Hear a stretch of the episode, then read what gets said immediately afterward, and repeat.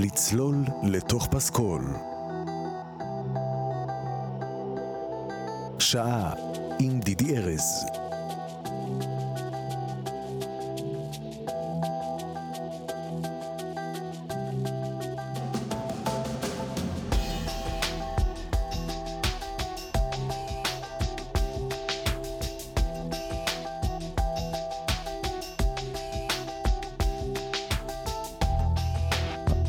פעם אני לא מצליח להשתלט על הצורך הזה לשמוע את הבאס לפני שאני מתחיל לדבר.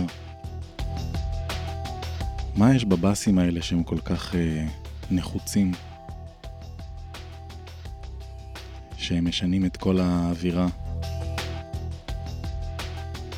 אוקיי, אז אה, אהלן, אהלן, ברוכים השבים, לצלול לתוך פסקול.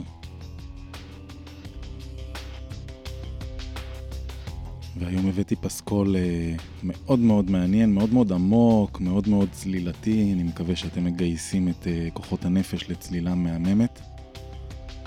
לא צריך להתאמץ יותר מדי כשצוללים לפסקול, ה- לטעמי, להרגשתי, כל מה שצריך זה לשחרר. לא שזה קל, זה אולי הדבר אה, הקשה, אבל הפסקול של היום הוא באמת מין הלך רוח כזה. והפסקול של היום הוא של הסרט 1917 שמציג בימים אלה בקולנוע. סרט מאוד מדובר, מאוד מתוקשר, מאוד מפורסם, מאוד מצליח, מועמד למיליון אוסקרים, בלה בלה בלה. אבל באמת, גם סרט מאוד יפה, אבל גם יש לי עליו כל מיני מחשבות, ואני אשתף כמובן. ויש לו פסקול מאוד מאוד מיוחד. אז אני חושב ש... בלי הקדמות נוספות, אנחנו נתחיל לצלול לתוך 1917, שתהיה לכם האזנה נעימה וכיפית, אני מקווה, הלוואי אמן אמן.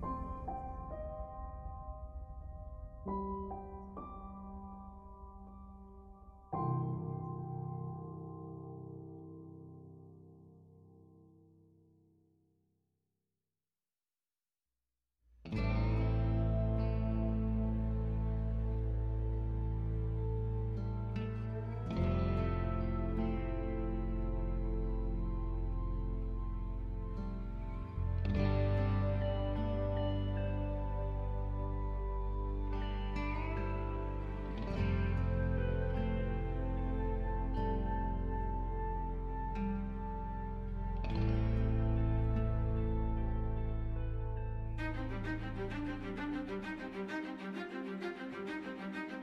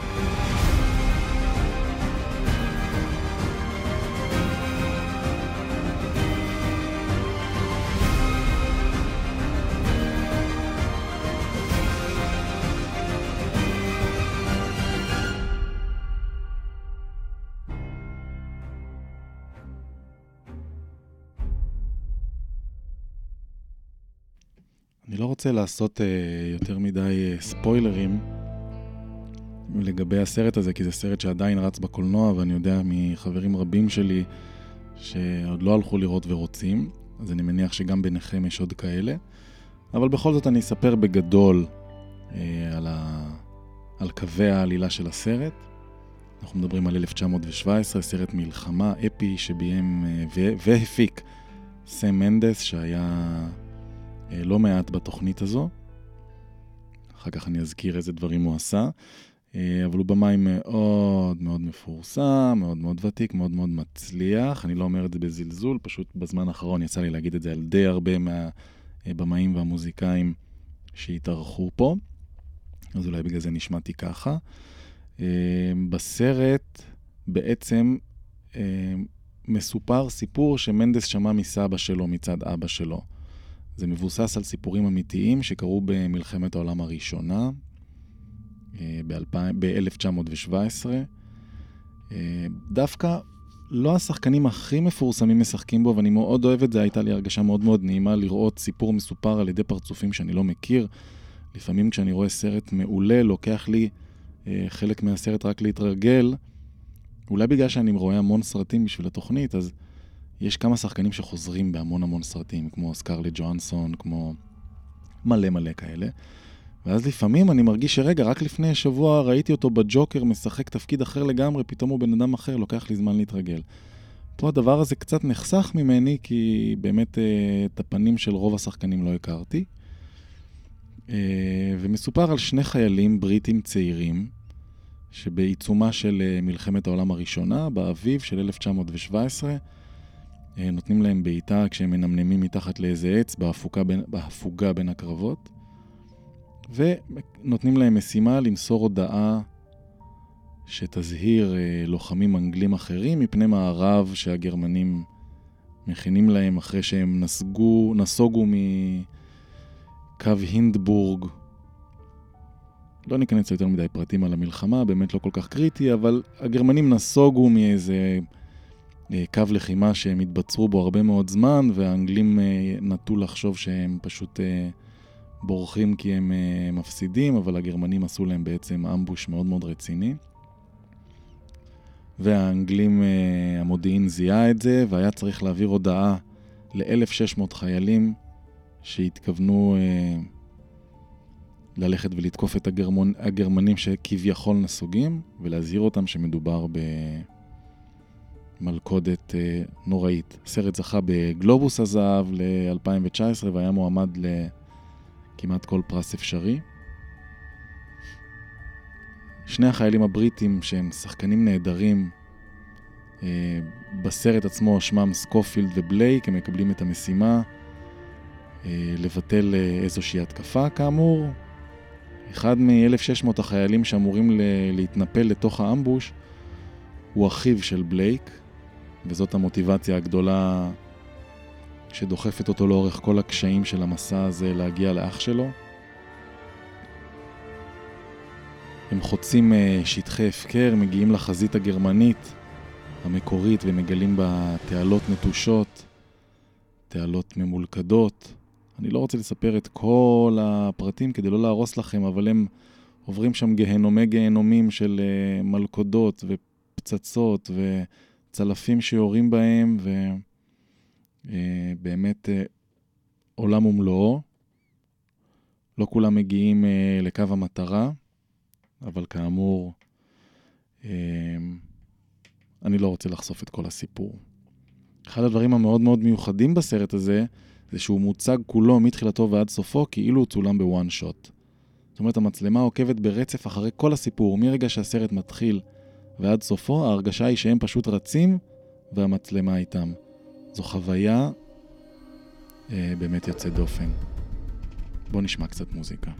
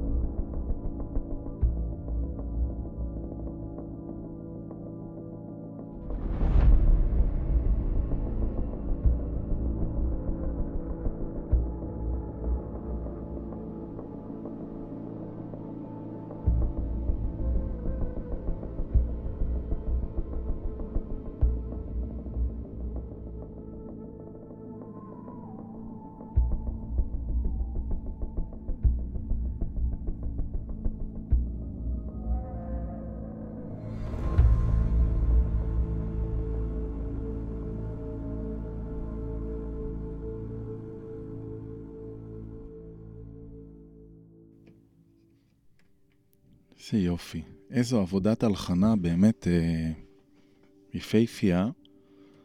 בוא נגיד כמה מילים על ה... מה זה בוא נגיד? אני, אני צריך להגיד, זה לא עליכם.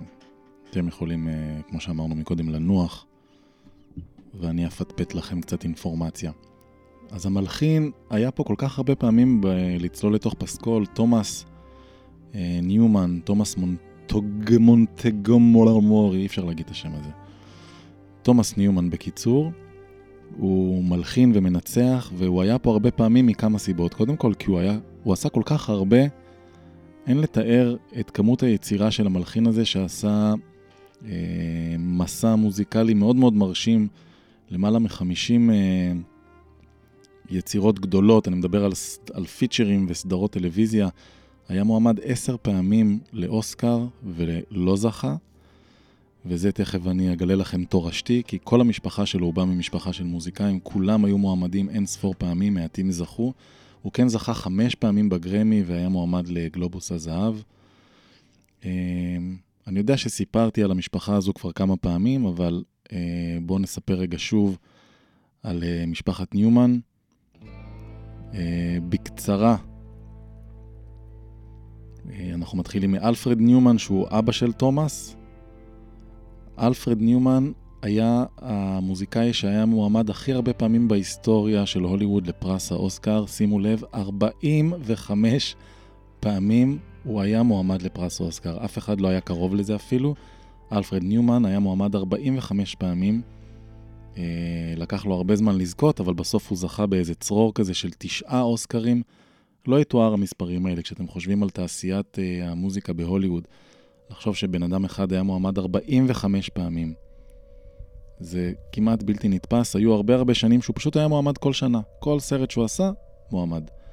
תחשבי שהוא זכה תשע פעמים, זה אומר שהיה אחת לאיזה ארבע מועמדויות הוא גם היה זוכה. כל זה בין השנים 38 ל-57.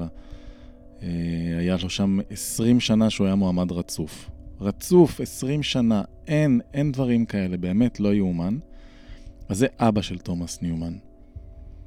אה, לאותו אבא של תומאס ניומן היה אח, שקראו לו ליונל ניומן, וגם הוא הלחין 36 פסקולים וסדרות, והוא היה מנצח, שניצח על מאות פסי קול, מאות.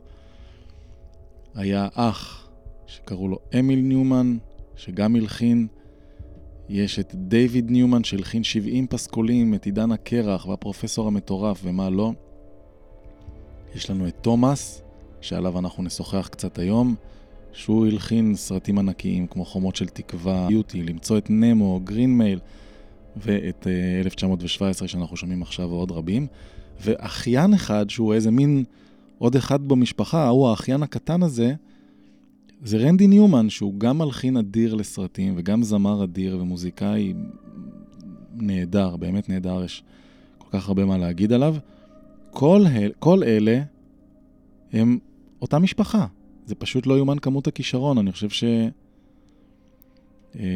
אה, באמת מדהים, באמת מדהים אותי. אז אה, אותו תומאס ניומן, שאותו אנחנו שומעים היום, אה, כאמור, גם הוא מלחין ותיק ומצליח עם עשר מעמודיות לאוסקר ועוד המון המון הישגים, אבל בעיקר מוזיקאי מאוד מאוד מרגש בעיניי, שיודע לתפור ביד אומן פסקול אה, לתמונה. אגב, על עניין המועמדויות והזכיות, ב-2006 ניומן היה מועמד לאוסקר אה, עבור הסרט הגרמני הטוב, והוא אמר, אה, ניומן, אה, מישהו התבדח עליו, אמר שהוא היה מועמד לאוסקר, לאוסקר שמונה פעמים ומעולם לא זכה, אז ניומן אמר באותו טקס, עוד לפני שהכריזו, הוא אמר, לא, לא, הפסדתי שבע פעמים, היום תהיה הפעם השמינית. אה, ואכן הוא באמת לא זכה. אני מאחל לו שהוא מתישהו יזכה, כי הוא באמת מוזיקאי אדיר.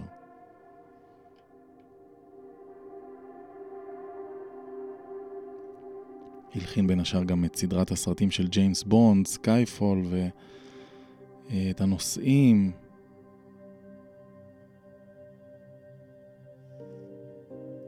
את WALL-E. המון המון.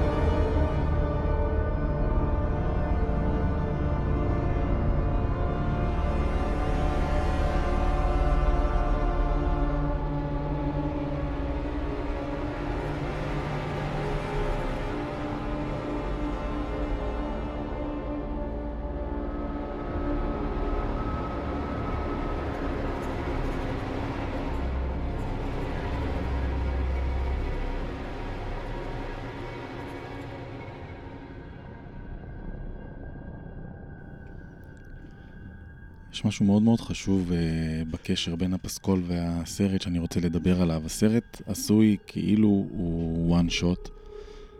אנחנו יודעים uh, מאחורי הקלעים של ההפקה שזה לא באמת היה one shot, כי באמת זה בלתי אפשרי לעשות, אבל יש שם באמת one shotים מאוד מאוד ארוכים, תפורים באופן uh, מהמם ויזואלית, ככה שבאמת נוצרת התחושה שהסרט כל הזמן עוקב בזמן אמת אחרי מסע של מישהו שרץ ורץ ורץ. קצת מזכיר את סיפור המרתון המיתולוגי על, אה, על אה, ההודעה שהיוונים היו צריכים אה, להעביר שם במלחמה נגד הפולש הפרסי ועל השליח שרץ מהעיר שלו עד, עד אתונה, מהעיר שלו מרתון עד אתונה כדי לבשר על הניצחון. גם פה יש חייל שרץ ורץ ורץ והמצלמה מלווה ומלווה ומלווה, וטכניקת הוואן שוט פה היא מעבר לאיזה גימיק אה, שיווקי או ויזואלי, ממש הופכת את חוויית הצפייה לאינטנסיבית כל כך, ממש קשה לנשום לפעמים מהתחושה שיש שם משהו שלא עוצר לרגע, לא עוצר לרגע, אין הפוגה, אנחנו כל הזמן מלווים אותו, כמו באיזה תיאטרון שאין בו את ה... שנשבר הקיר הרביעי. ריצה, ריצה, ריצה, קרבות, קרבות, קרבות, ולאורך כל הזמן הזה המצלמה לא נותנת רגע אחד של מרחק, אנחנו איתו כל הזמן. החוויה הזאת, אה, שיש בתוכה גם דברים אה, ויזואלית מטורפים, כמו התרסקויות של מטוס לתוך הסצנה, ומפלי מים שלתוכם אה, מתרסק הגיבור, ובאמת רגעים מסחררים, וזה לא יאומן שהדבר הזה מרגיש כמו משהו שקורה בזמן אמת. אין את התחושה הזאת שאנחנו עוברים מסיפור לסיפור לסיפור, אלא הוואן שוט גורם לנו להרגיש שאנחנו באמת מלווים את הבן אדם בתוך ההתרחשויות המדהימות האלה.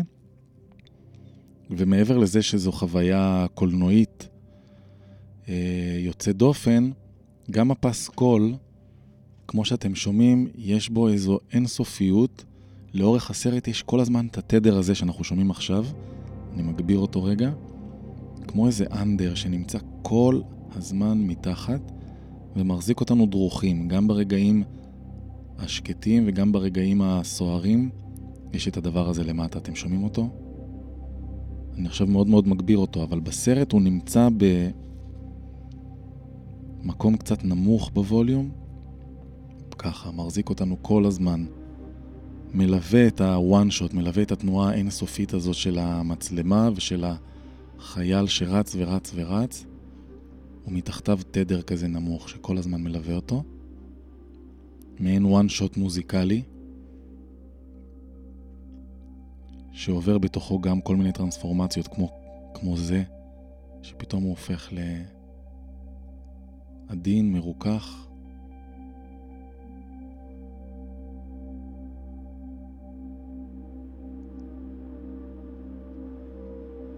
ואז פתאום הוא מתחיל עוד פעם לצבור מתח.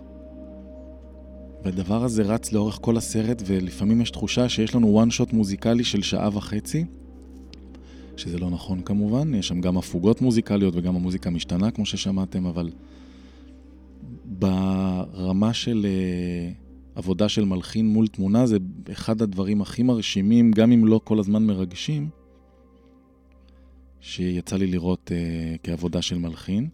אני חושב שבחוויה שלי חלק מהזמן הסרט לא באמת עד הסוף מרגש וגם המוזיקה לא עד הסוף מרגשת, זה מאוד הוליוודי ובאמת אה, יש משהו ביצירות המרהיבות האלה שהן קצת רחוקות מאיתנו מרוב מרהיבותן. אבל עדיין ה... התדר הזה. כשיצאתי מהקולנוע דיברתי עם שני אנשים שראיתי איתם את הסרט ושנינו ממש, שלושתנו הסכמנו מיד שיש אינטימיות שהיא כמעט כבר על גבול הסחרחורת רוב הזמן, שהיא מתאפשרת או נוצרת גם בזכות הפסקול הזה.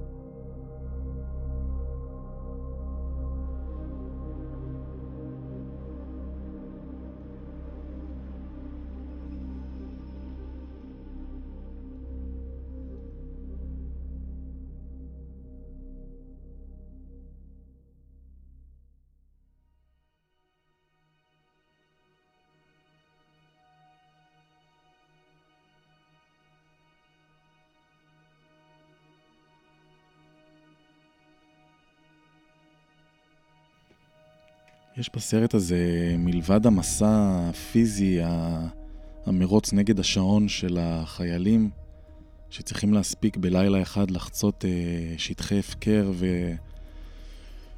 ואזורים מלאי גופות, ובאמת יש שם מסע פיזי מדהים וממש מטורף. בתוכו הם עוברים גם כאמור אה, מסע פנימי, כמו בכל סרט טוב, כמו תמיד ה...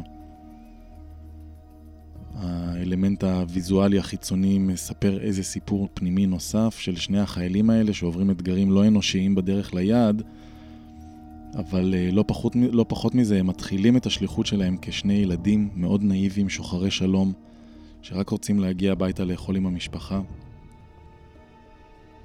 ולאט לאט הם, הם מגלים אה, שהחמלה שהם אה, חשים, אפילו כלפי חולדה שהם חסו על חייה ולא רצו להרוג אותה, ואז החולדה רצה ומפעילה שם איזה אה, פתיל של אה, מלכודת, כמובן לא בכוונה תחילה, אבל הם מבינים שהחמלה שהם אה, מגלים בשדה הקרב היא לא רלוונטית. שכל אחד מהמכשולים שעומדים בפניהם אה, מכשולים שהם צריכים לחסל. עד כדי כך מחרידה זוועת המלחמה, הם לאט לאט מבינים את אה, זוועות המלחמה ומבינים שמלחמה מוכתבת בידי אגו ומצ'ואיזם ו- ואין שם מקום ל... לתחושות האנושיות האלה של בוא נרחם, בוא נכיל. זה שדה אחר, זה שדה קרב שבו כל החוקים משתנים. והם לומדים את זה לאט לאט והם נאלצים לאט לאט להפוך למכונות מלחמה ולחנוק בידיים ולדקור ולירות ו... יש שם רגע בסרט שהחייל אה, נקלע למרתף שבתוכו מסתתרת אה, אימא צרפתייה עם תינוק שזה עכשיו נולד והמפגש של החייל עם התינוק הוא פשוט עוצר נשימה ומדגיש את כל ה... הקושי והחוסר אנושיות שבשדה הקרב. את כל זה מצליח מנדס לתאר בצורה שהיא באמת הרבה זמן לא ראיתי כמוה, אולי אפילו מעולם לא הייתה. ממש מלאכת מחשבת קולנועית. מי שצילם את הסרט זה רוג'ר דיקינס, הוא אחד מהצלמים באמת הגדולים בתקופה שלנו. היה מועמד בעצמו ל-14 אה, אוסקרים וזכה גם על בלייד ראנר 2049. אני מעריך שהוא יזכה גם השנה.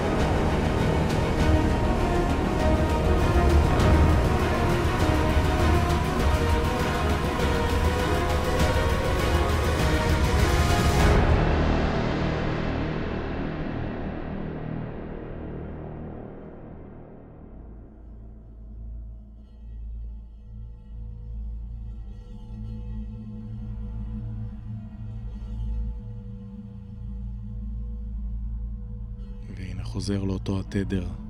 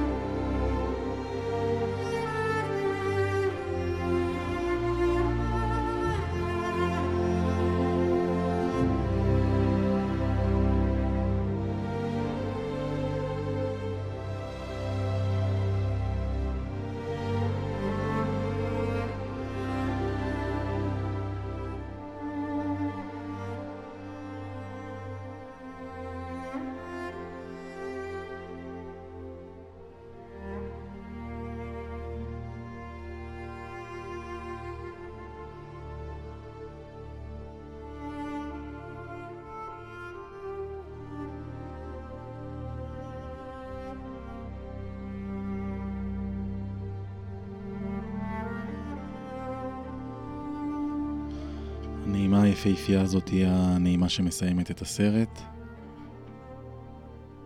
סיום אה, מרגש ויפהפה. בכלל, אני חושב שאסור להחמיץ את הסרט הזה. אני לא מבקר קולנוע, אני לא יושב פה על תקן מבקר קולנוע, אבל אה, לפעמים אני מרגיש את הצורך להמליץ, ואני חושב שלמרות שזה באמת לא סרט מושלם, יש הרבה דברים בו שאהבתי יותר ופחות, היו דברים שריגשו יותר ופחות, אבל מדובר באמת אה, בחוויה קולנועית אה, מאוד מאוד מרשימה, מאוד מאוד אה, מרהיבה, וברגעים... אה, לא מעטים גם מאוד מאוד מרגשת ורלוונטית, תמיד רלוונטית לצערי, מלחמות הן תמיד רלוונטיות. אז אני מאוד ממליץ, כל עוד הדבר הזה קורה בקולנועים, לרוץ ולראות.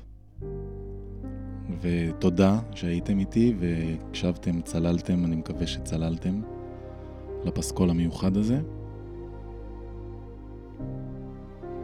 אנחנו ניפגש שוב בשבוע הבא. אני מזכיר לכם שאתם תמיד מוזמנים לכתוב לי לעמוד הפייסבוק שלי, דידי ארז, העמוד הרשמי, ככה הוא נקרא. לספר uh, מה הרגשתם כלפי uh, פסקול מסוים או לא הרגשתם, איזה פסקולים, פסי קול אתם רוצים לשמוע, המלצות. בואו תהיו חלק מהתוכנית, ושיהיה לכם אחלה שבוע.